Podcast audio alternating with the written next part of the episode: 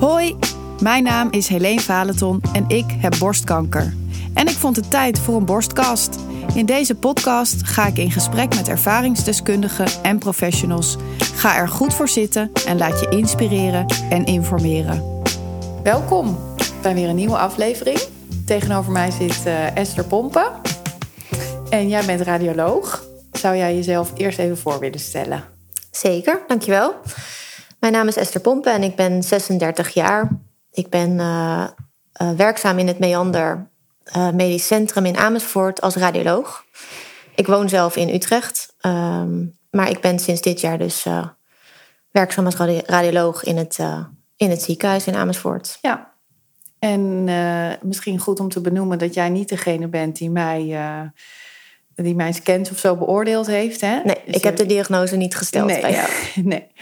Maar je, um, en hiervoor heb je in andere ziekenhuizen gewerkt, neem ik aan dan? Ja, dat was in opleidingsverband. Mm -hmm. Ik heb in het UMC Utrecht gewerkt en in Apeldoorn, in het Gelre ziekenhuis. Oh ja, ja.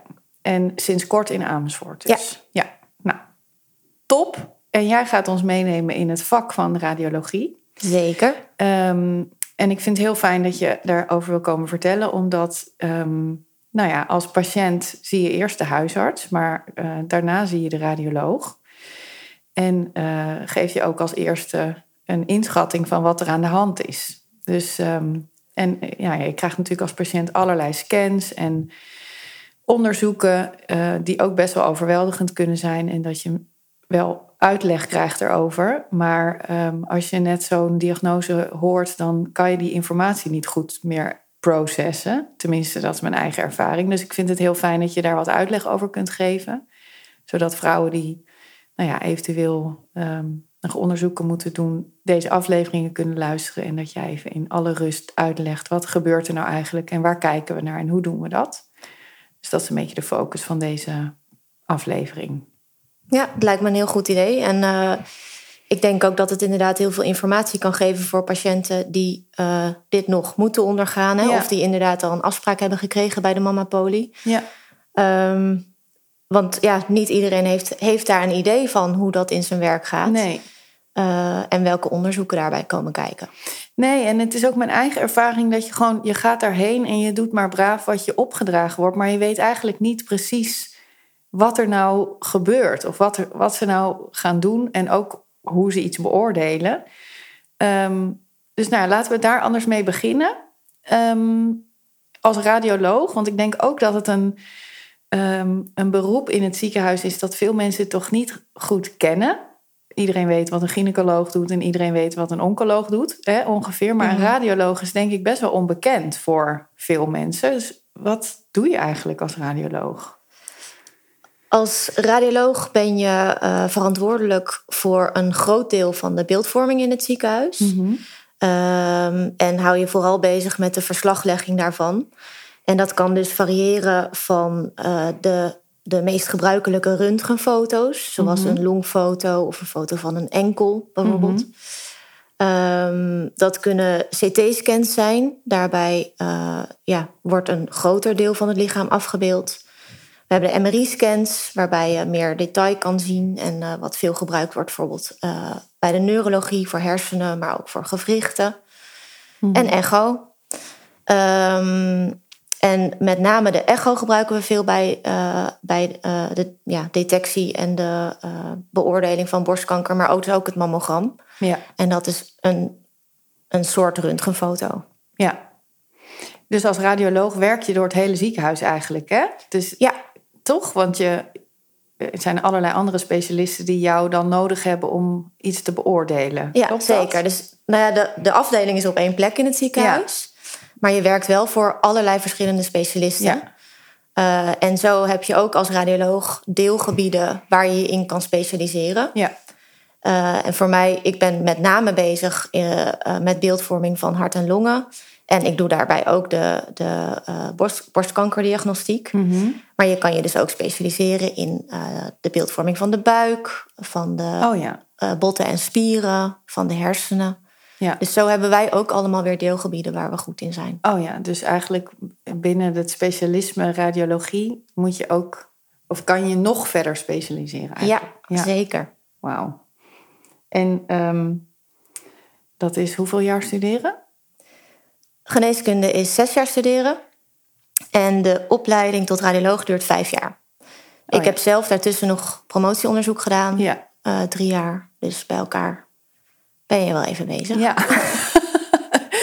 ja, nou, ik eh, voel me vereerd dat je je tijd voor, eh, hiervoor neemt om daar wat over te vertellen.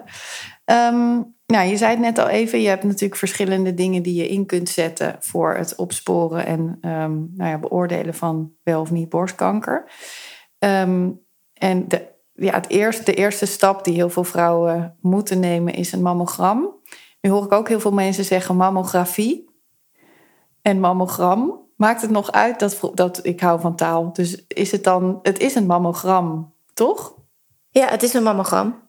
Je Ja. mag het ook mammografie noemen. Ja. Maakt niet uit. Nee, het is hetzelfde.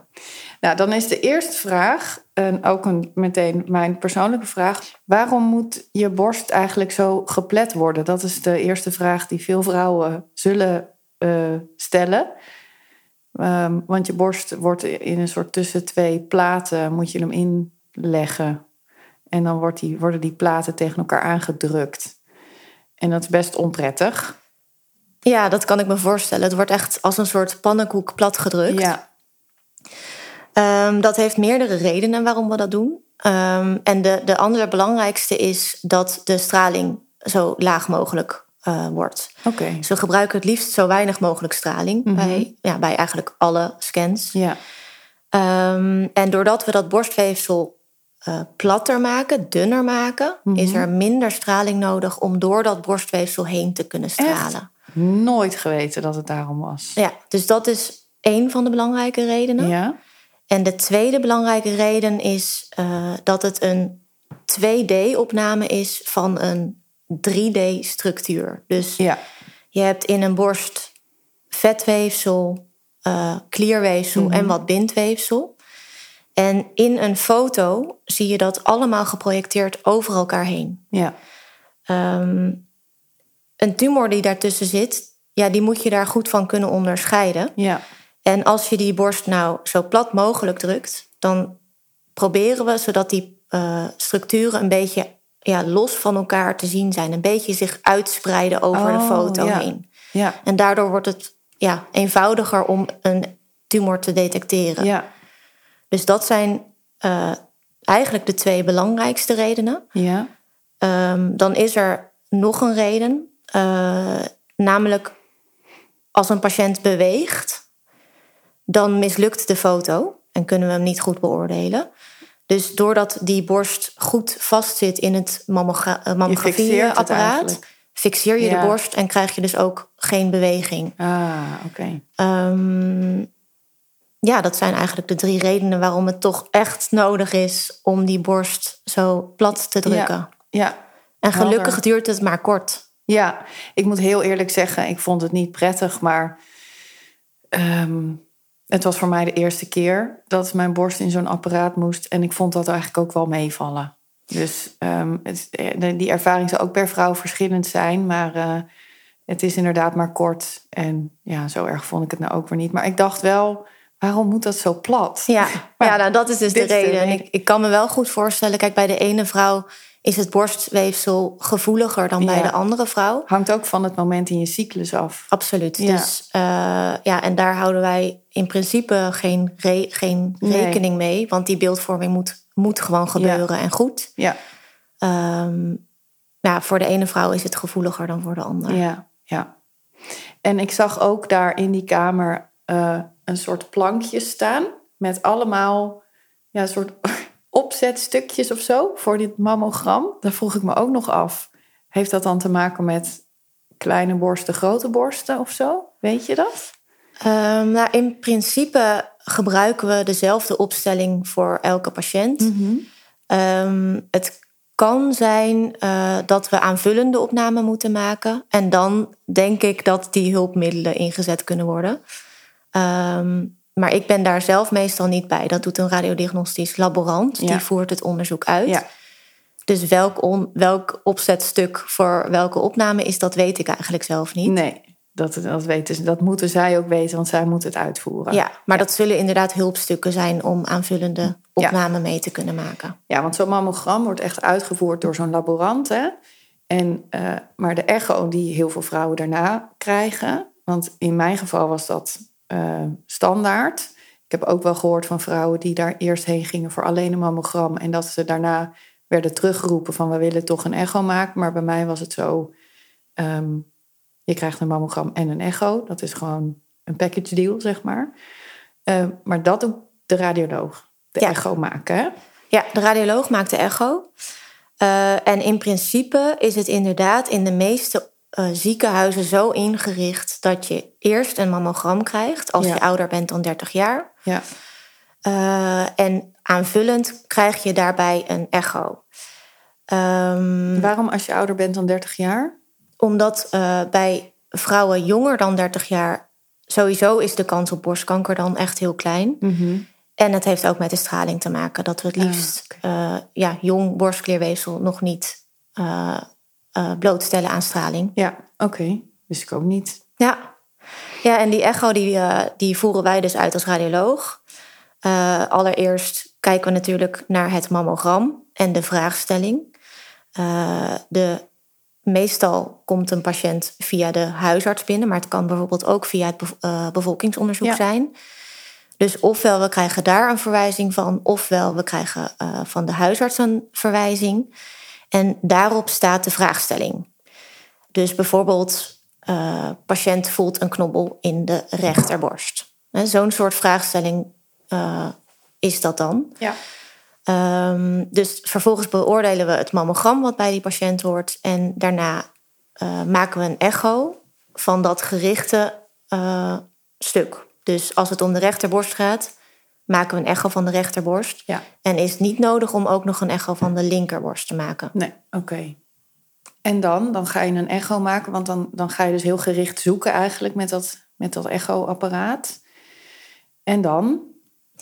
Waar Ja. kijk je dan naar? Um, ja, we zijn natuurlijk geoefend in hoe normaal uh, borstweefsel eruit ziet. Dus zoals ik al zei, bestaat dat dus uit vet met name en Ja. klierweefsel.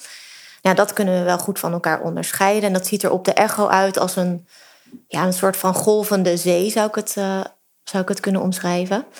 En um, we zijn met name op zoek naar structuren daarin die echt die, uh, uh, die golvende lijnen onderbreken. Dus een tumor, okay. borstkanker, die onderbreekt die architectuur, zoals we dat noemen. Mm-hmm. En die groeit echt op een hele grillige wijze. Dus uh, op de echo kunnen we dat zien als een soort zwarte schaduw, Mm-hmm. die heel onregelmatig begrensd is.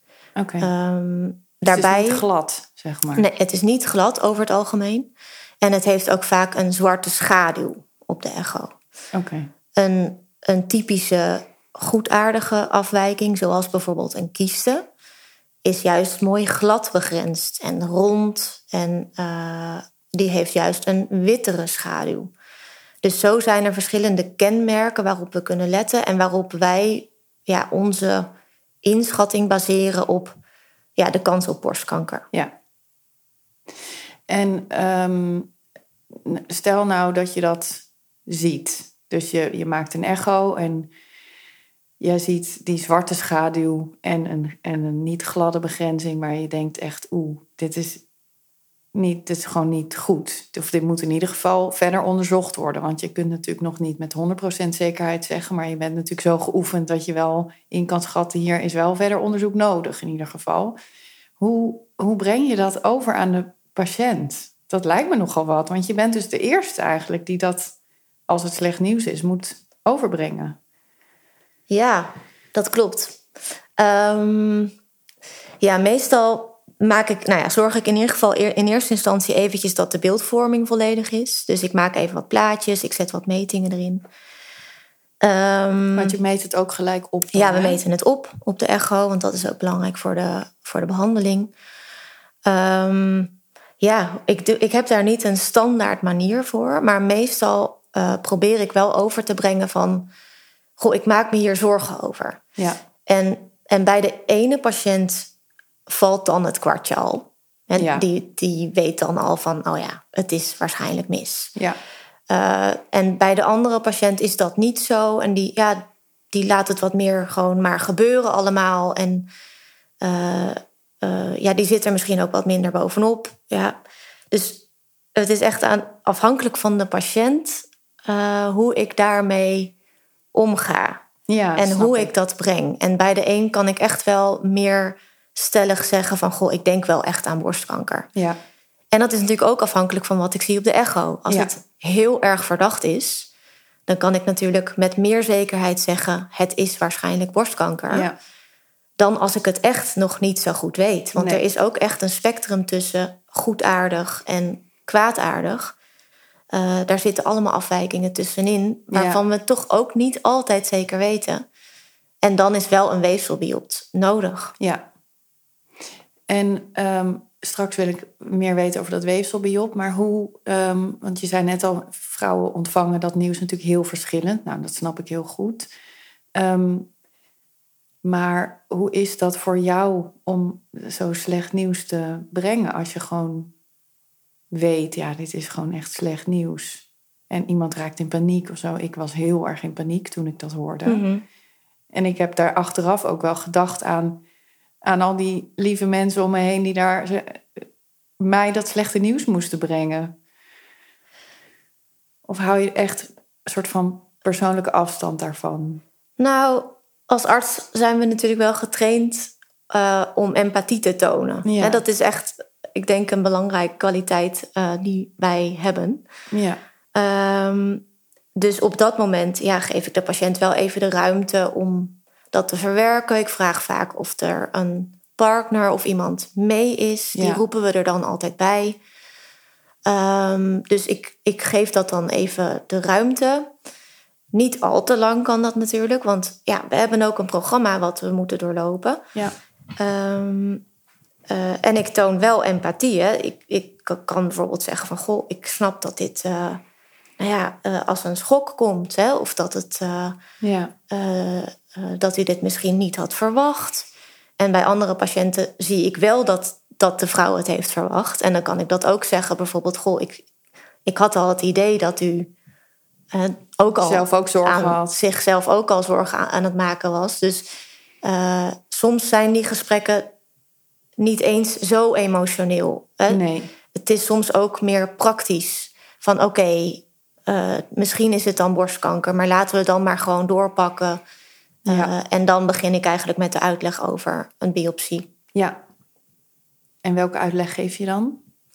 Ehm, nou ja, we maken de, eh, die, die biopsie die doen we dus direct aan, aansluitend Ja. aan de echo. Eh, dus dat weten niet alle vrouwen. Dus soms is het ook wel eventjes een schok van... oh, gaan we dat nu prikken. gebeuren? Gaan Ja. we dat nu doen? Ja, dus ja, dan is eventjes uitleg van ja, we gaan het nu doen.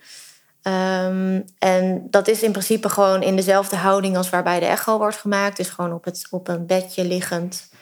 Eh, en dan maken we de huid schoon. En dan eh, verdoof ik de huid met een, met een eh, naald. Mhm. Ehm, dus ik vertel meestal, ja, dan is dat even pijnlijk, die prik. En daarna is de huid verdoofd en voel je in principe niet meer dat ik bezig ben. nee. En dan met een soort ja, hapapparaatje, een soort eh, happertje, nemen we twee of drie weefselbiopten. En dat gaat dan eh, in een potje naar de patholoog. Ja, Ehm, als er verdenking is op borstkanker, dan kijken we ook altijd met de echo naar de okselklieren. ja, En als ik daar vergrote lymfeklieren zie, dan is ook een biopsie nodig van een klier uit de borst. Of Ja. uit de oksel. ja. Ja. En dan eh, daarna zit jouw werk er even op? Of, of wordt er dan nog iets anders verder van jou verwacht richting je collega's? Ehm, nou, in eerste instantie moet ik, de, eh, moet ik natuurlijk zorgen dat het weefsel eh, correct wordt verstuurd naar de patholoog. Dus daar moet dan een, een aanvraagje bij. En vervolgens ga ik terug naar het, eh, naar het werkstation en dan maak ik een verslag van mijn bevindingen. Oké. Dus van zowel het mammogram als van de echo en eventueel een biopsie. En eh, dat verslag gaat eh, naar de chirurg als ik de patiënt doorverwijs naar de chirurg. Als het volledig goedaardig is en de patiënt hoeft niet naar de chirurg, dan gaat dat verslag naar de huisarts. Oké, ja. Maar dat is dus direct aangrenzend. En dat maakt toch ook dat het soms, nou ja, voor mij ook gewoon zakelijk is. En Ja. en, ja, mijn werk is om dat dan af te handelen. Ja. En dan weer door te gaan naar de volgende patiënt. Ja, nee, snap ik. Ja. Ehm, ik kreeg ook op Insta heb ik uh, gevraagd aan uh, volgers van hebben jullie vragen voor de radioloog? En een daarvan is um, um, kijkt de radioloog alleen naar de beelden of beoordeel je het alleen of kijken er meerdere radiologen naar? Wat is de werkwijze daarin? Ja, in principe kijkt de radioloog alleen naar de beeldvorming uh, van op de mama in ieder geval. Um, en ja, wij worden daarin geschoold en zijn in principe ja. kundig genoeg om dat te kunnen. Um, en zeker de, de combinatie van het mammogram en een echo bij elkaar ja, maakt meestal een goede beoordeling goed mogelijk. Als er enige twijfel is, dan vragen we direct een collega erbij. Ja. Hè, om een soort van tweede beoordeling gewoon van een collega direct. Um, en ja, veel patiënten, als het om borstkanker gaat in ieder geval, uh, dan worden patiënten ook besproken op een multidisciplinair overleg. Ja. En daar zit ook weer een radioloog bij die dat allemaal voorbereidt. Dus die zal deze beeldvorming ook weer allemaal doornemen. Ja. Dus in dat opzicht is daar dan wel een tweede radioloog bij betrokken. Ja.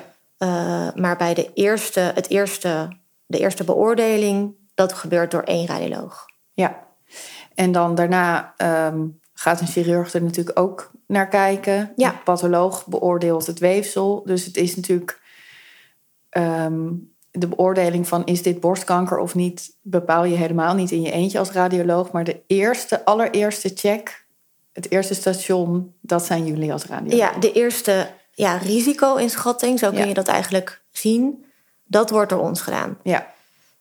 Um, bij borstkankerscreening uh, wordt de beoordeling door twee radiologen gedaan. Oké. Okay.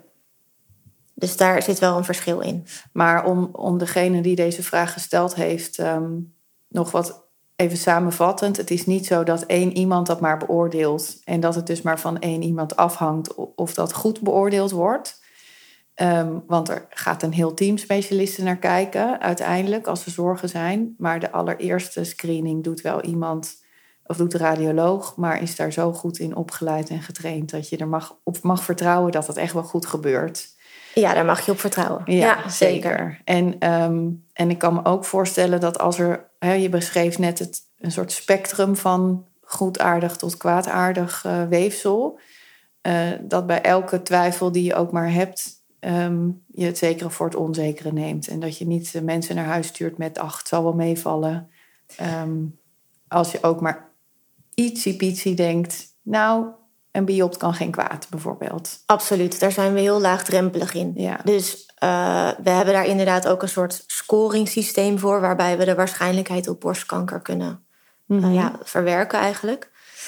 En als we zeker zijn dat iets goedaardig is, bijvoorbeeld dus een kieste, ja. dan kunnen we dat echt met heel veel zekerheid zeggen. Ja. Um, en bijna 100% zekerheid zeggen we dat dan. Um, en als we inderdaad maar een enige twijfel hebben over of het goedaardig is of niet, zorgen we er ofwel voor dat patiënt nog terugkomt voor een controle en follow-up. Mm-hmm. Ofwel doen we inderdaad een beeld. Ja. Oh ja, dus heb je ook nog verschillende manieren om dat wel in de gaten te blijven houden. Ja, klopt. Ja, oké, okay, helder. Um, ik ben even naar mijn vraag aan het kijken. Um, oh ja, nou ja, stel um, ook even in mijn geval dat je dan van de radioloog te horen krijgt, nou, ik maak me zorgen om wat ik zie. Daarna biopt, die kwam terug en het is slecht nieuws. Dan ga je gelijk een onderzoek, een medische molen in. Uh, en dat is best wel intens. Dus uh, tenminste in mijn ervaring uh, moet je met de chirurg praten. Dan krijg je allerlei foldertjes en A4'tjes met geen metalen dingen in je kleding aan. Zodat het een beetje wat ik onthouden heb. Maar voor de rest wat er precies gaat gebeuren en ook waarom... Um, dat zal me vast verteld zijn. Dus het is niet een verwijt naar degene tegenover mij van... oh, je hebt je werk niet goed gedaan. Maar ik kon het gewoon in alle hectiek niet zo goed meer um, ontvangen, denk ik. Uh, want in mijn geval moest ik een PET-CT-scan en een MRI-scan. En ik weet nog steeds niet wat het verschil is... en wat je met die twee verschillende scans... Uh, ja, waar je naar kijkt en hoe het werkt. Wil je dat uitleggen? Ja, er zijn. ehm, kijk, allereerst verschilt het per patiënt welke aanvullende onderzoeken Ja, er worden ik. gedaan.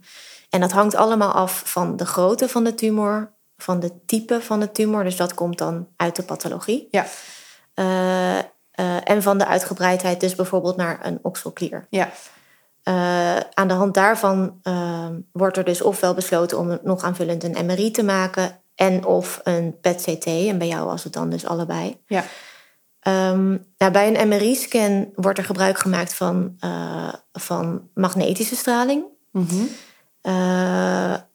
En daarbij kun je heel veel detail verkrijgen van, van borstklierweefsel in dit geval. Dus je kan heel goed, eh, meestal kun je heel goed tumorweefsel onderscheiden van normaal weefsel. Eh, je kan de locatie van de tumor goed eh, in beeld brengen en met name ook de uitgebreidheid. Dus hoe groot is een tumor, waar breidt het zich naar uit? Groeit het in in de, in de huid of in de borstspieren? Ehm, dat is eigenlijk de belangrijkste kwaliteit van een MRI-scan. En eh, op die MRI-scan kunnen we ook zien of er bijvoorbeeld andere locaties in de borst zijn, waarom, waarvan wij denken, oh, dat zou ook nog wel eens borstkanker kunnen zijn. Ja, Want het kan zo zijn dat er naast die ene borst, borsttumor nog een tweede ja, borsttumor aanwezig is. ja. En als je dan toch aan het behandelen bent, nou, dan is het fijn als je dat meteen mee kan nemen. Maak je ook een soort eh, 3D-beeld dus van die tumor? Ja, daar kunnen we 3D-reconstructies, zo heet dat dan, van Ja. maken. Dus een soort 3D-impressie. Ja, Eh, en dat, dat vindt de chirurg meestal ook wel prettig. ja, dat, dat is natuurlijk een 3D-reconstructie van hoe het in werkelijkheid ook is natuurlijk. ja. En de chirurg wil dat weten voor de operatie. Ja, voor de operatie. Is, is borstbesparend mogelijk of niet? Of, eh, Precies. Ja. En welke techniek gaat, gaat hij of zij gebruiken en hoe kan die het aanvliegen? Ja, Ehm, ja, en dan nog de PET-CT. Dat is eigenlijk een, een combinatie van een nucleair onderzoek en een CT-scan. eh, in één scanner eh, samengebracht. En bij een PET-CT-scan wordt er een, een radioactief stofje ingespoten in het bloed. Dus je krijgt een infuus ja, een uur van tevoren en dan eh, eh, wordt er een radioactief stofje ingespoten. En dat gaat eigenlijk op zoek, dat, dat radioactieve stofje is gebonden aan suiker. En dat gaat op zoek naar weefsels wat veel suiker gebruikt. Nou, laat tumorweefsel een, een is tumor- of kankercellen zijn meestal cellen die heel veel die dol zijn op suiker. ja, Eh, dus daar gaat dat stofje dan naar, naar op zoek, zou je het kunnen noemen. Dat is eventjes eh, heel makkelijk gezegd. En dat stofje wordt dan opgenomen door die kankercellen. En dat gaat een soort van. eh, dat geeft een radioactief signaal en dat kunnen we opvangen met de, de PET-scanner. Dat zien we dus ook terug. En om dat te combineren met een CT, met een CT geven we meer informatie over waar die radioactiviteit zich bevindt. En kunnen we lokaliseren eh, waar dat radioactief signaal vandaan komt. Dus dat geeft ons een soort anatomisch eh, substraat of soort van kaart van oké, waar zit die radioactiviteit nou precies? Anatomisch substraat, wat is dat? Ja, dat is enorm vakjargon, dat begrijp ik. Ik bedoel daarmee dat we eh, met de CT-scan precies kunnen lokaliseren waar de radioactiviteit zich bevindt.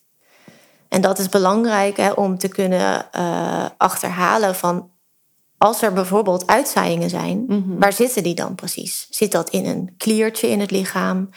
Zit dat in het bot? En in welk bot dan? Ja, Ja, want dus- dat ligt dan op op de scan, zeg maar. ja, zo kun je het eigenlijk zien. Ja. Ja.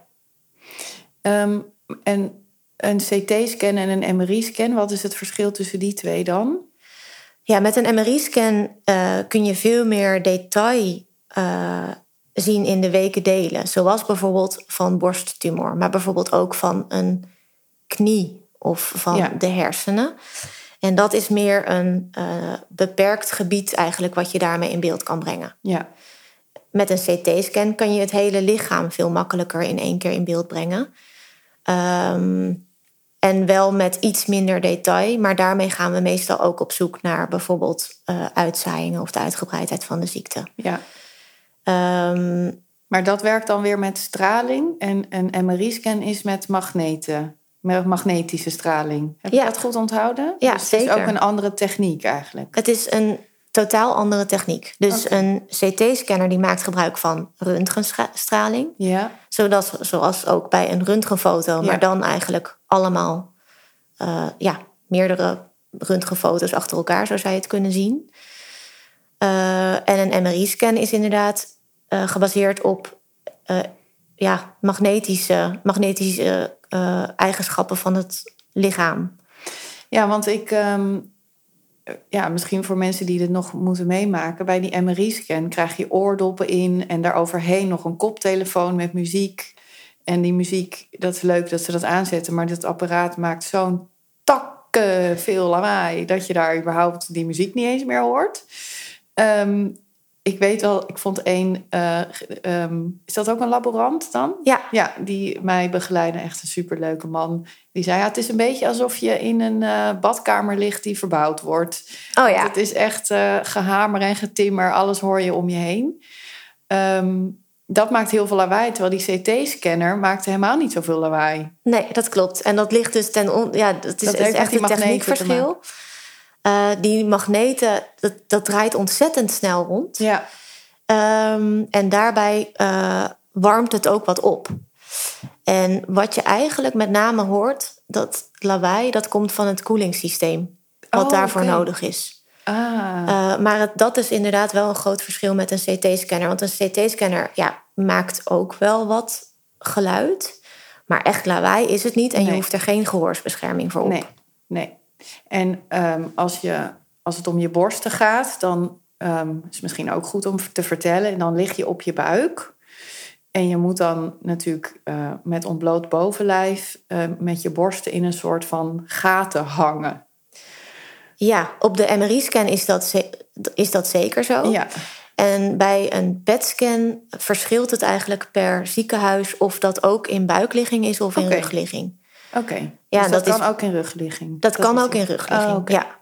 Maar het is wel, ik kan je voorstellen dat als je de PET-scan moet vergelijken met een MRI-scan, is het wel makkelijk als dat in dezelfde, Dezelfde houding, houding, is verricht. Dus dat kan wel een voordeel zijn, maar dat verschilt per ziekenhuis. Oké, ja. Overigens is de beoordeling van een PET-CT-scan gebeurd door een eh, nucleair geneeskundige en niet zozeer door een radioloog alleen. Oké.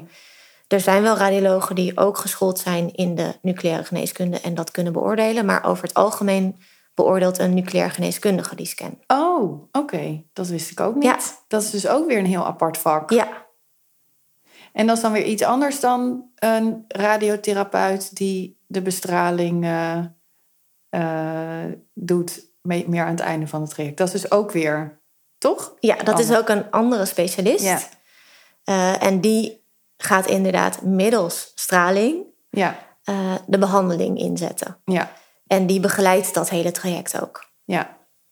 Ik heb namelijk van tevoren altijd gedacht de- dat de radioloog beide deed.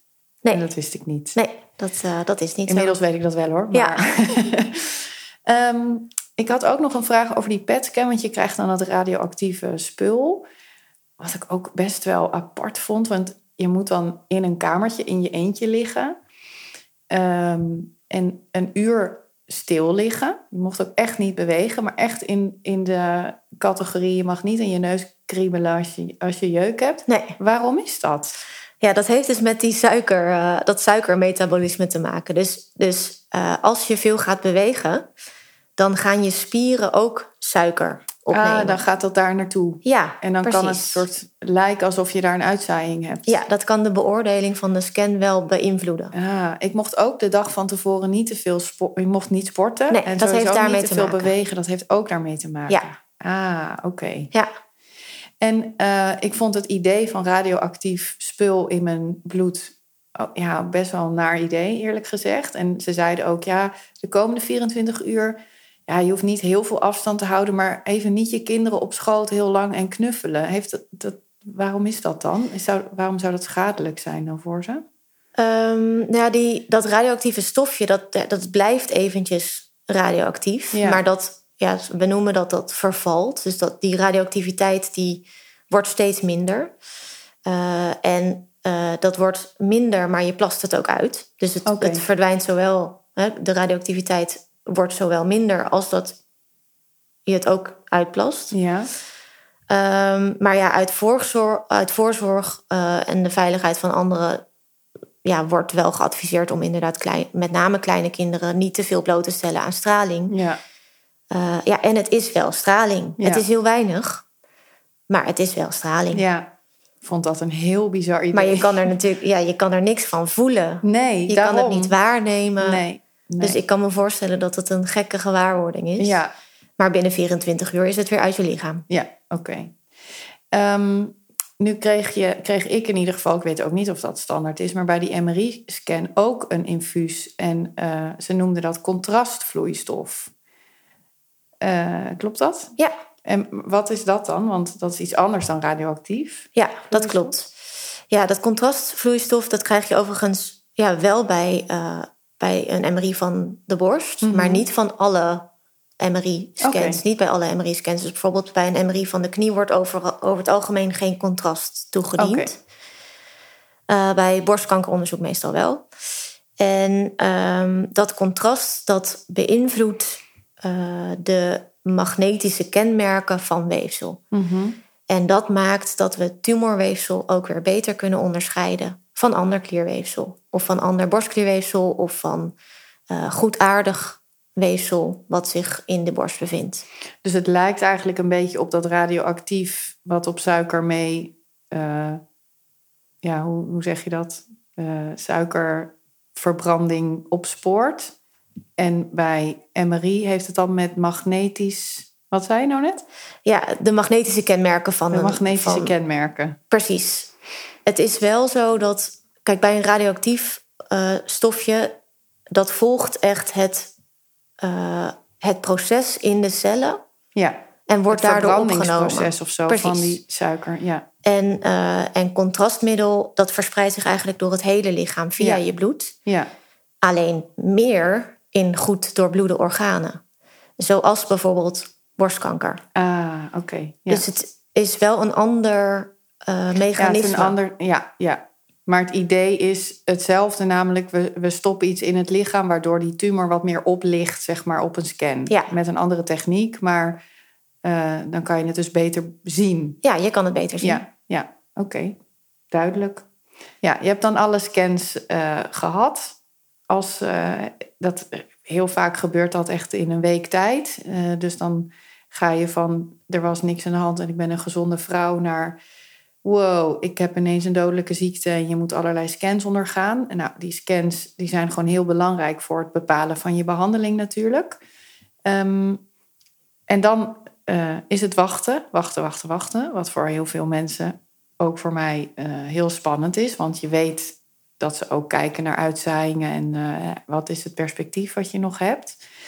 Ehm, dan krijg je daarvan de uitslag. En in mijn geval gaf de chirurg daar de uitslag van. Want dat is eigenlijk het eerste aanspreekpunt na eh, dat je de diagnose hebt. De diagnose wordt ook door de chirurg en de mama care verpleegkundige tot nu toe alle vrouwen die ik spreek hebben van hen de diagnose gekregen. En ook de uitslag van de scans. Ja. Ehm, en volgens mij is het bij heel veel vrouwen dan gebruikelijk dat er een jodiumzaadje geplaatst wordt in de tumor. Of tumoren als er meer zijn. Ehm, wat, en dat doet de radioloog weer, dus dan kom je weer terug. Ja, dat klopt. Ehm, wat, wat is een jodiumzaadje? Waarom wordt dat in een tumor geplaatst? Want dat is namelijk ook eh, radioactief. Ja, dat heb klopt. ik begrepen. Ja, het is een soort klein eh, radioactief zaadje. Het is zo groot als een klein hagelslagje. Ja, Eh, en dat plaatsen we ook weer eh, onder echogeleiden ja, eh, in de borsttumor. En dat, er kunnen twee redenen zijn om dat te doen. Namelijk, ten eerste, de tumor is niet voelbaar, is zo klein dat je hem niet kan voelen. Bijvoorbeeld hè, bij, bij vrouwen die bijvoorbeeld opgepikt worden uit de borstkankerscreening. Mhm. Die hebben meestal zelf, kunnen die de borstkanker helemaal niet voelen. Maar het is er wel. ja, En dat maakt dat de chirurg kan het ook niet voelen, maar die moet daar wel op af. Ja. En uh, als we daar nou een. Uh, we kunnen het wel zien met de echo. Dan kunnen we met de echo een jodiumzaadje plaatsen in die tumor. tumor en zo kan uh, tijdens de operatie met een soort apparaatje die tumor en dat jodiumzaadje worden opgezocht. Ja. Dus dat is de eerste reden. En de tweede reden is dat we een, zo, een zaadje plaatsen in de tumor bij vrouwen die chemotherapie krijgen. Ja. Dat heb jij ook gehad. Ja. Um, omdat als die tumor krimpt, en dat is natuurlijk te hopen dat die tumorcellen gaan reageren op die chemotherapie Ja. en dat die tumor kleiner wordt, Of kan het zelfs verdwijnt of zelfs verdwijnt, gevallen. ja, eh, kan het ook zijn dat je die tumor niet meer kan voelen. Dus dan heeft ook de chirurg ja, een, een locatie nodig Ja. van waar die toch moet opereren. Ja. Om toch die resterende tumorcellen weg te kunnen snijden. Ja.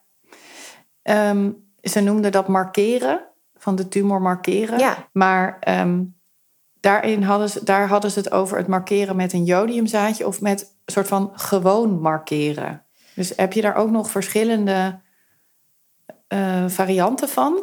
Ja, ehm, En waarom? Ja, dus om, om deze twee redenen, hè, als je echt een tumor moet terug kunnen vinden Ja. tijdens de operatie, daar gebruiken we jodiumzaadjes voor.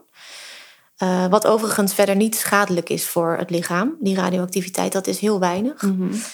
Ehm, maar er kunnen andere redenen zijn om een klein, klein markertje achter te laten, een kleine markering. En dat is bijvoorbeeld als ik een eh biopt neem van een stukje weefsel in de borst, waarvan ik denk, ja, ik weet niet helemaal wat het is, maar het is lastig te vinden. En ik wil eh, ehm, goed na kunnen kijken en ook aan mijn collega kunnen laten zien waar ik heb geprikt. Oh ja. En eh, ik kan dus direct na het prikken een klein, ja, het is ook een heel klein titanium ringetje, eh, achterlaten in de borst. Mhm. om maar terug te kunnen vinden waar ik heb geprikt. Ah, oké. En ook dat kan geen kwaad. Eh, het kan ook zelfs een heel, een heel leven nog eh, met, ja, gewoon in de borst blijven ja. zitten. Maar dat is dus een andere markering die eigenlijk alleen zichtbaar is op een mammogram. Ja. En ook wel op de echo. Eh, ehm, maar die is niet radioactief. Nee, oké. Ja, bij mij ging het toen over een satelliet, noemden ze dat dan. Dus je hebt een tumor, dat is een soort hompje.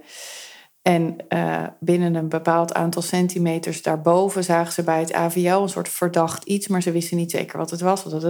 En daar hadden ze van gezegd, daar, zou je, daar hoeft dan niet een jodiumzaadje in, maar die zou je wel kunnen markeren om nou ja, dat ook mee te nemen en weg te halen met de operatie. Want als dat met chemo dus helemaal verdwijnt, dan weet je niet meer ehm, nou ja, of je alles hebt weggehaald wat weggehaald moest worden. Maar goed, dat ging over borstbesparend opereren. En dat was in mijn geval eigenlijk al niet meer mogelijk. Maar toen dacht ik, oh, nou heb je dus verschillende soorten van het markeren van zo'n tumor. Ja, dat klopt. En dat is de uitleg die je daar net over gaf. Ja, ja. En, en op zich dat, kijk, dat, dat tweede markertje waar we het net over hebben gehad, eh, is meer voor de radiologie bedoeld dan dat het voor de chirurg is bedoeld. Oké, ja. Want dat markertje is te klein om te voelen. Ja, oké. Ehm, en wat ik dan ook nog... Waarom, waarom is dat radioactief? Zeg maar dat jodiumzaadje. Wat, bedoel, waarom kan je daar niet gewoon zo'n ander soort markering in zetten? Want het gaat om dat je het moet kunnen vinden. Ja, maar het is zo klein dat je het dus niet kan voelen. Anders zou je bijvoorbeeld... een- Maar je zou het op een scan toch wel kunnen zien, bijvoorbeeld? Ja, op de scan kun je het zien, zeker. Eh, alleen tijdens de operatie is er geen, wordt er geen scan gemaakt. En moet de chirurg zelf ja, op basis van voelen op een tumor afgaan. Tuurlijk weet hij, weet hij Ongeveer wel waar ongeveer waar hij moet ja. zitten. Eh, maar die, die doet dat op gevoel. Oh, dat wist ik ook Ehm, niet hoor. Ja, en je, ja, je kan niet een hele grote marker in een borst gaan doen. Dat, dat, dat kan Nee. niet, dat is niet mogelijk. En dat zal de operatie ook niet ten goede komen. Eh, dus die markertjes zijn klein. En eh, ja, een manier is om dat dus radioactief te maken. Waardoor je het makkelijk kan vinden. Ja. En ehm, nou, de chirurg werd al even genoemd, want op een gegeven moment eh, krijg je dan ook het chirurgische gedeelte van je behandeling. Dat is toch bij echt de meeste vrouwen wordt er in ieder geval geopereerd, Ja, wordt het weggehaald. Ehm, ben je, ben je, is een radioloog daarbij om nog uitleg te geven over scans of hier moet je zijn of daar moet je zijn? Meestal zijn wij niet bij de operatie aanwezig. Nee, want ehm, dit is eigenlijk meer een vraag voor een chirurg, maar misschien eh, ben je wel eens bij zo'n operatie geweest? Ja. ja. Dus jij weet ook hoe het eruit ziet dan. Want dat vroeg, dat vragen heel veel mensen zich af. Hoe ziet kanker eruit? Want jij zegt nu, je moet dat dus kunnen voelen. Maar dat moet je dus op tast doen. Dat kan je niet op oog. Het ziet er niet anders uit qua kleur of qua. Ja, als je het doorsnijdt, ziet het er wel anders uit. Alleen ja, bij de operatie wil je het liefst niet in de tumor zelf snijden, maar het weefsel eromheen, eromheen weghalen. Ja. Ehm, ja, die tumor zelf die kun je wel, als die groot genoeg is, kun je die voelen. En dan voelt het een beetje hard aan meestal. Harder dan, dan normaal borstklierweefsel. Ja, ook wat je zelf van de buitenkant dan ook kan voelen. Ja, als, dat klopt. Als het groot genoeg is. Ja, ja. Maar het ziet er dus niet, als je het eruit snijdt met weefsel een beetje nog eromheen, ziet het er niet anders uit dan borstklierweefsel. Gewoon nieuwsgierigheid. Ja, nee, ja, goed. Kijk, als je een hompje weefsel eruit haalt waar het tumortje in zit, dan zie je aan dat hompje weefsel zelf, zie je het niet. Nee. Maar als je dat doorsnijdt, ja. Hè, als je echt een soort dwarsdoorsnede maakt van die tumor, ja, dan zie je het weefsel wel zitten. En hoe, Meestal wel. En, en, ziet dat er dan, hoe ziet dat eruit? Uh, wittig. Ja? Ja. Ja, en het is, een vaster heel materiaal. Dicht? Ja, ja, het is vaster, veel vaster dan normaal uh, ja. borstweefsel. Ja, het is een beetje dicht, heel dicht, uh, harder, stevig weefsel. Ja, ik heb dus dat. dat zullen misschien wel meer mensen zijn, maar ik heb een soort van horrorbeeld daarbij dat het soort bruin, zwart, uh, lelijk ding is, weet je wel? Dat je, omdat het zoiets uh, naars is, dat het ja. gewoon een soort Je psychologisch... associeert dat met zwart en donker. Ja, ja er, kunnen ook wel, er kunnen ook wel donkere stukken in zitten hoor. Ja, dat is toch eigenlijk apart. Ja. Wat, bepaalt nou de kleur van een tumor? Ja. Maar in mijn hoofd werd dat soort iets heel uh, grimmigs of zo. het is gewoon wit. Ja, maar je ziet dus wel duidelijk die verstoring van de normale uh, anatomie. Dat zie je wel duidelijk. Ja. En dat, zien, dat is ook waar wij op letten, op de beeldvorming. Ja, dat zie je dus En dat ook je echt duidelijk ziet van dit is niet normaal. Nee. Dit groeit anders, dit groeit agressiever, het groeit Ja. in een andere richting. Het, Ja, het, het gedraagt zich niet als normaal borstklierweefsel. nee, nee. En dat zie je dus eigenlijk ook al op die scan. Ja, scans. Ja. Ehm, ik heb ook ehm, natuurlijk op Insta nog wat vragen gekregen van mensen. Waar ik er net al eentje van had gesteld. Ehm, en een daarvan is ook... waarom wordt er bij de ene vrouw met dens weefsel... wel een MRI gedaan en bij de ander niet? Maar ik weet niet eens wat dens weefsel is. Dus kan Ja. je dat eh, uitleggen? Ja dens uh, borstklierweefsel is, uh, het betekent dat je extreem veel klierweefsel hebt. Mhm. Um, en zo'n 80% van de vrouwen heeft dat. Uh, en dat, ja, dat, daar kan je niet zo heel veel aan doen. Sommige, mensen, sommige vrouwen hebben dat nou eenmaal. En uh, dat extreem veel klierweefsel, dat zorgt ervoor dat de beoordeling van een mammogram minder makkelijk is. En Want is dat ook dichter of zo? Ja, nou, het, het ligt vooral, het is inderdaad dichter. Uh, en het projecteert dus ook allemaal over elkaar.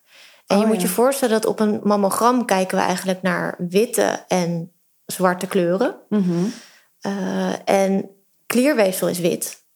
Maar een tumor is ook wit. Oh ja. En je kijkt eigenlijk dus naar hoe dat witte structuurtje eruit ziet. Hè? Daarop kan je beoordelen van is iets nou afwijkend of niet. Ja. Maar als je in een borst kijkt met heel veel wit weefsel, dan is het lastiger om daar Ja. een tumor Ja. van te onderscheiden. Uh, dus dat is lastig. Dus uh, uh, daar is ook onderzoek naar gedaan of we niet bij vrouwen met dens borstklierweefsel een MRI zouden moeten doen. Dat zit nu nog niet in de huidige richtlijn om dat te doen. Mhm. Maar er zijn vrouwen bij wie we een MRI-scan maken, bijvoorbeeld bij vrouwen met een genmutatie. Ja. Uh, waarbij we al weten kans. dat de kans verhoogd is op Ja. borstkanker. Daar maken we dan uh, een MRI-scan bij. Um, Dus dus echt per patiënt en de situatie van de patiënt uh, afhankelijk of je daarvoor kiest of niet. Precies. Ja. ja. Oké, helder. Ik geloof dat dat de vragen waren over echt het traject van uh, de radioloog of de rol van de radioloog binnen een borstkankertraject, uh, waarvan ik het zelf nu weet. Maar misschien weet jij ook wel, uh, kom je nog later in het traject voorbij als radioloog, behalve bij het beoordelen van het begin en dan het plaatsen van die zaadjes, jodiumzaadjes of één. Um, en het ondersteunen eigenlijk van de chirurg van nou, waar moet je zijn, toch? Het bepalen van de plek van de tumor, dus het beoordelen van de scans. Kom je later in het traject ook nog terug als radioloog of niet? Ja, meestal wel. Um, nou, bij jou bijvoorbeeld, bij, jij hebt nu een tweede MRI-scan gehad om te kijken of de chemo aanslaat. Ja. Uh, die MRI-scan die beoordelen wij ook. Ja. Um, dus wij vervolgen patiënten met de beeldvorming. En Ja. dat is tijdens de behandeling, maar dat is ook na de behandeling. Dus als een patiënt geopereerd is, bestraald is, zo nodig, uh, dan vervolgen we de patiënten met, meestal met een mammogram. Mhm. Uh, en dat beoordelen wij. Ja. En hoe, hoe lang en hoe vaak uh, moet dat dan eigenlijk? Of is dat ook per patiënt verschillend? Um, meestal is dat een jaarlijks mammogram. Oké, ja. Van uh, stel dat er één borst helemaal weggehaald moet worden en de ander mag blijven zitten omdat je niet een genmutatie hebt die in ieder geval nu bekend is. Uh, dan krijg je in die, die borst jaarlijks controle. Ja, die borst wordt ook leven? nagekeken. Um, de, maar soms is het natuurlijk ook een status na een operatie van een borst, waarbij er nog wel Ja. resterend borstweefsel Ja. is. Uh, en daarbij, uh, ja, daar kunnen we ook een mammogram van maken. Dus dan zien we op, de, op het mammogram ja, de, de veranderingen die die borst heeft ondergaan. En Ja. we zien littekenweefsel en dergelijke. Ja, maar daarbij letten we heel goed op of er niet toch weer een tumor zich aan het ontwikkelen is. ja, ja. Dus beide borsten worden jaarlijks gecontroleerd. Maar ja, het zal wel per, per situatie misschien verschillend zijn. Ja. En je leeftijd en wat voor Absoluut. soort. En je genmutatie wel of niet. Hoe vaak dat dan is en hoe lang dat dan is. Ja, Maar vol, ik hoor in ieder geval van bij veel vrouwen die dit al achter de rug hebben... dat het in ieder geval eh, vijf jaar is Ja. of zo. ja, zeker. In ieder geval vijf jaar. Ja, Uh, bij de minste uh, verandering staan we weer klaar en Ja. maken we weer een mammogram en een echo zo nodig. en ook Eh. als je zorgen hebt als vrouw zelf. Hè. Van hé, hey, ik maak me zorgen. Dan, Zeker. dan is de drempel eh, heel laag om gewoon even te kijken. Ja, is absoluut. oké? Ja. ja. Nee, dat doen, we, dat doen we altijd laagdrempelig. Ja. ja dus eigenlijk ehm, hebben jullie een ongelooflijk belangrijke rol in het hele eh, borstkankertraject. Van begin tot eind eigenlijk. Hè? Want je, je doet best wel lang nog de follow-up en je helpt het beoordelen van eh, hoe gaat het eigenlijk met het, het lichaam dan vooral.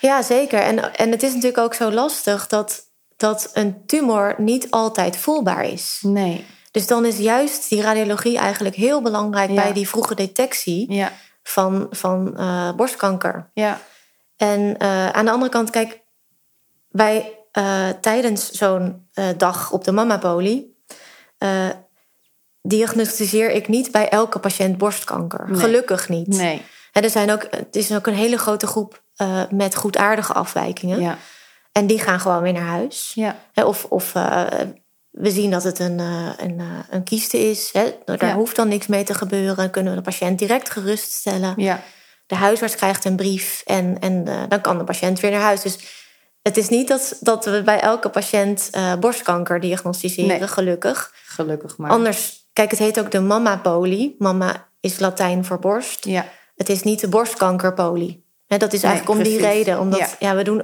de beeldvorming van alle afwijkingen in de borst. ja, niet alleen precies. borstkanker. Nee, maar als je borstkanker hebt, ehm, dan vervullen jullie een hele belangrijke rol in het eh, eh, hele traject. Ja, ja in het dia- diagnostisch proces. Dat vind Ja. ik ook zo leuk aan de radiologie. Ja, dat snap ik wel. Want eigenlijk heb je het minste patiëntcontact, denk ik. Ja, over het algemeen over wel. het algemeen eh, met de patiënt zelf. Maar heb je een hele belangrijke adviserende rol voor je collega's, de andere medisch specialisten die dan het patiëntcontact meer doen. Ja, dat is het ook. En, en uh, ja, dat vind ik er heel erg leuk aan. En ook die communicatie naar collega's toe is natuurlijk hartstikke belangrijk. Ja. En we hebben dus ook, uh, ja, in Meander hebben we wekelijks een multidisciplinair overleg. Ja. En dus dan bespreken we alle patiënten met borstkanker, met de patholoog erbij, de chirurg, de oncoloog, ja. de verpleegkundige specialisten die zitten daarbij. Uh, en zo zijn we echt als een team aan het werk. Ja. Ja, wat ik wel heel mooi vind. Ja, het is ook natuurlijk zoiets. Um, het, het raakt zoveel specialisme eigenlijk, hè? Kanker ja. überhaupt, maar borstkanker dan ook. Dat je elkaar heel erg nodig hebt om uh, de beste behandeling met het beste resultaat natuurlijk te kunnen uh, geven aan de patiënt. Ja, we vullen elkaar heel erg aan, denk ik, in Ja. die zin. En, en samen ja, komen we dan tot een behandelplan. Ja, ja, vet. Ehm, ja, tot slot dat vond ik een hele leuke vraag. Want het, zijn, we hebben best wel een technisch gesprek gehad over eh, hoe werkt het allemaal. Maar daar ben ik heel blij om. Want dit ehm, wilde ik ook heel graag eh, opnemen. Ook voor andere vrouwen die dit misschien nog moeten ondergaan. Dat je gewoon weet wat is er gebeurd. Of wat staat me nog te wachten. Ehm, maar er was ook één iemand op Insta, dat is dan ook de laatste vraag. ehm, die stelde eigenlijk een persoonlijke vraag van... ik vraag me altijd af bij alle artsen, maar bij radioloog in het bijzonder... waarom je voor radiologie hebt gekozen. Ja, ehm, de radiologie is een heel dynamisch vak. Eh, zoals ik al heb verteld, ja, komen er heel veel verschillende technieken bij kijken. En dat vind ik onwijs interessant. Ja, En, en omdat het dus zo technisch onderlegd is, zit er ook enorm veel ontwikkeling in het vak. ja, En dus ik weet eigenlijk niet hoe mijn vak er over 30 jaar uitziet. En dat vind ik eigenlijk heel leuk. ja. Uh, Snap dus dat dynamische vind ik, ja, dat, dat trekt me enorm. Naast natuurlijk ja, de interesse in het menselijk lichaam, in de anatomie en de, en de pathologie. Dus ja. ja, die combinatie was voor mij de, de reden om daarvoor te kiezen. Was je daar ook al snel uit of heb je nog getwijfeld? Ik bedoel, had je hier ook als eh, gynaecoloog kunnen zitten, bij wijze van spreken? Ik bedoel, er, er kunnen misschien dingen in je loopbaan gebeurd zijn... of je hebt iemand ontmoet die echt deze richting hebben gegeven. Maar Ja. ja, bij mij was dat toevallig inderdaad wel zo. Want mijn oom is, was radioloog, nu gepensioneerd. En ik heb met hem een soort eh, snuffelstage gedaan in mijn eerste jaar van mijn geneeskunde. En toen al dacht ik, oh, dit is echt wel heel erg leuk. ja, Eh, en sindsdien eh, heb ik me wel gefocust op de radiologie. Mhm. Ehm, en ik vond andere vakgebieden ook heel erg leuk, maar niet zo leuk als de radiologie. nee. Dus dat wel, misschien zit het wel een beetje in de familie dus eigenlijk ook. Ja. ja, ja, dat zou je wel kunnen zeggen, denk ik. Heb je meer artsen in de familie? Mijn opa was eh, chirurg. Ja. Ja. En je oom radioloog. En mijn oom radioloog. Ja. Ja. Wauw, vet. Nou ja, en dan als aller, aller, allerlaatste ehm, afsluiter van deze podcast. Heb je nog een tip voor mij? Of een vraag aan mij? Als patiënt. Ja, een tip. Ehm, nou, ik heb niet zozeer een tip, maar ik, ik hoop, en dat, dat zal ik ook wel nog van jou horen, maar ik hoop dat je de, de, ehm, de gang van zaken, zoals we dus ons werk doen op de mama-poli, eh, ja, dat dat bevalt. Dat Ja. die, die snelle diagnostiek eh, meteen doorpakken, ehm, eh, de communicatie naar de patiënt toe, ja, dat je dat wel als prettig hebt ervaren, dat hoop ik in ieder geval. Ja, ondanks dat het zo, natuurlijk hoor. helemaal niet leuk is wat er allemaal gebeurt en, en, eh, en met je gebeurt. Maar hoop ik dat het, eh, dat het als patiënt, ondanks dat, toch een ja, zo prettig mogelijke ervaring is. ja. Nou, die kan ik al beantwoorden. Want ik heb echt... Ja, het is natuurlijk vreselijk wat je dan te horen krijgt. Maar ik heb echt eigenlijk alleen maar hele lieve, eh, begripvolle mensen ontmoet in dat hele eerste traject. Ehm, dus ik voelde me heel erg getroost ook. Want ik was natuurlijk eh, ik was een van die vrouwen die zo in paniek raakte. maar ja, gewoon ja, heel, helemaal niet alleen maar technisch, maar echt wel heel lief en uh, begripvol. Ehm, en heel veel tijd ook krijgen om even op adem te komen of zo. Dus ik had helemaal niet het gevoel van dat er haast was of oh, we moeten weer door, we moeten weer door. Terwijl dat wel zo was. Op een gegeven moment werd het wel gezegd van ja, we kunnen ook een afspraak maken voor het biop. Want we moeten, ja, er zaten gewoon mensen in de wachtkamer natuurlijk. Ehm, Helaas is dat zo. Ja, ja en dat snap ik ook. Dat snap ik heel goed. Dus, maar toen kon ik mezelf herpakken en uh, is biop toch gelijk genomen. Want ik dacht, ja, als ik hier dan ook nog op moet wachten. Nee, nu, moet, nu ook maar doorpakken gelijk. En ik was eigenlijk blij dat dat kon. Ja. En dat, ja, jammer eventjes voor de mensen in de wachtkamer, maar dat ze ook daarin meegingen, in mijn wens, zeg maar. Van ja, maar dan, dan maar liever nu ja. en niet een aparte afspraak. Maken. Ja, dat hebben veel vrouwen hoor. Ja, dat snap ik ook. Ja, ondanks de, de, de shock van wow, het is misschien wel borstkanker. Ja. Hebben heel veel vrouwen toch liever meteen dat biop maar gehad. En vaak dus ook dezelfde dag al de, ja, een eerste uitslag. Ja, precies. Ja, Nee, dus ik, heb, ik, uh, ik voel me hartstikke gesteund en uh, goed begeleid in het hele traject. Dat is echt heel fijn, hoe vreselijk het ook is. En je verhoudt je ook weer als patiënt tot zo'n rotsituatie. Ja, ja dat, dat is, ook heel apart. Maar je gaat daar gewoon dan op een gegeven moment weer heel technisch in. Zeg maar, nu heb ik met jou dit hele gesprek. Dat had ik natuurlijk niet kunnen hebben in die eerste week. Nee. Dat snapt iedereen. Nee. Maar nu vind ik het eigenlijk heel interessant om te horen van ja, wat gebeurt er eigenlijk allemaal? En waarom doen ze dit en waarom doen ze dat? Ja, Terwijl en dat ik nu nog steeds de borstkanker heb, zeg maar. Ja. het is niet zo dat ik de hele tijd in een hoekje zit te huilen hierover. Nee, nee dat, dat maakt het denk ik ook voor ons als radiologen, maar ook als artsen... Um, ja, uh, draaglijk om, om te doen. Dus ja. Uh, wij kijken ook heel erg naar, toch ook een beetje naar de technische kant. Ja, dat moet en ook, wat voor tumor is het? Wat, voor, wat, voor, wat voor celtype? Wat voor behandeling kunnen we daarop inzetten? Uh, en uh, ja, dat maakt dat het toch iets minder persoonlijk is, in ieder geval voor, voor mij. Ja. Dat ik het met mij minder persoonlijk aantrek. Ja. waardoor ik denk ik wel ja, goed ook de volgende patiënt weer kan behandelen. Ja, precies. En dat moet ook. Want als je bij elke echo zelf in huilen uit, zou barsten. Dat zou nee. ook voor de patiënt niet prettig zijn. Nee, dat, dat is niet goed. Dat is niet de, niet de bedoeling. En uh, het is niet zo dat ik een robot ben, hè, dat het me niks doet. En zeker uh, heb ik er bij jonge vrouwen doet het me natuurlijk meer dan bij ja, een vrouw van uh, eh, 95. Ja. Um, maar kan het toch enigszins wel uh, daar afstand van nemen. Ja. Het heeft niet, het is, uh, het heeft geen impact op, op mij als persoon eigenlijk. Dus ik kan dat goed distancieren. En al, al kan ik het wel echt heel vervelend vinden natuurlijk voor de patiënt. Ja, en natuurlijk. echt enorm heftig. En ik kan ook heus meeleven. Ja. Maar het blijft toch uh, ja, in die kamer. En ik neem het meestal niet mee naar huis. Nee. Is er wel eens een situatie geweest waarbij je het wel mee naar huis hebt genomen? Dat, je, dat het je niet losliet? Um, weinig toch eigenlijk. Ja. Of eigenlijk lukt dat goed? Ja, dat lukt wel goed. En meestal als het een heftige casus is, dan praten we er even over met collega's. Ja. Of ik benoem het thuis nog eventjes. Ja. Dan bespreek ik het met mijn man. Maar dan is het ook klaar. Ik lig er niet meer wakker van. Nee. Nee.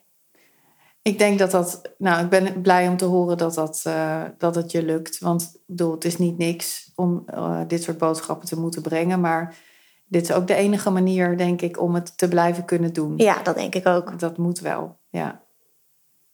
Nou, dankjewel, Esther, voor je komst. Dankjewel, Helene. Dat heel veel uh, vrouwen gaat helpen en informatie gaat geven. Ik hoop het ook. Ik was in ieder geval zelf. Ik heb ook weer hier onwijs veel van geleerd. En allemaal dingen die ik niet wist. En uh, daar wil ik je heel erg voor bedanken. Graag gedaan.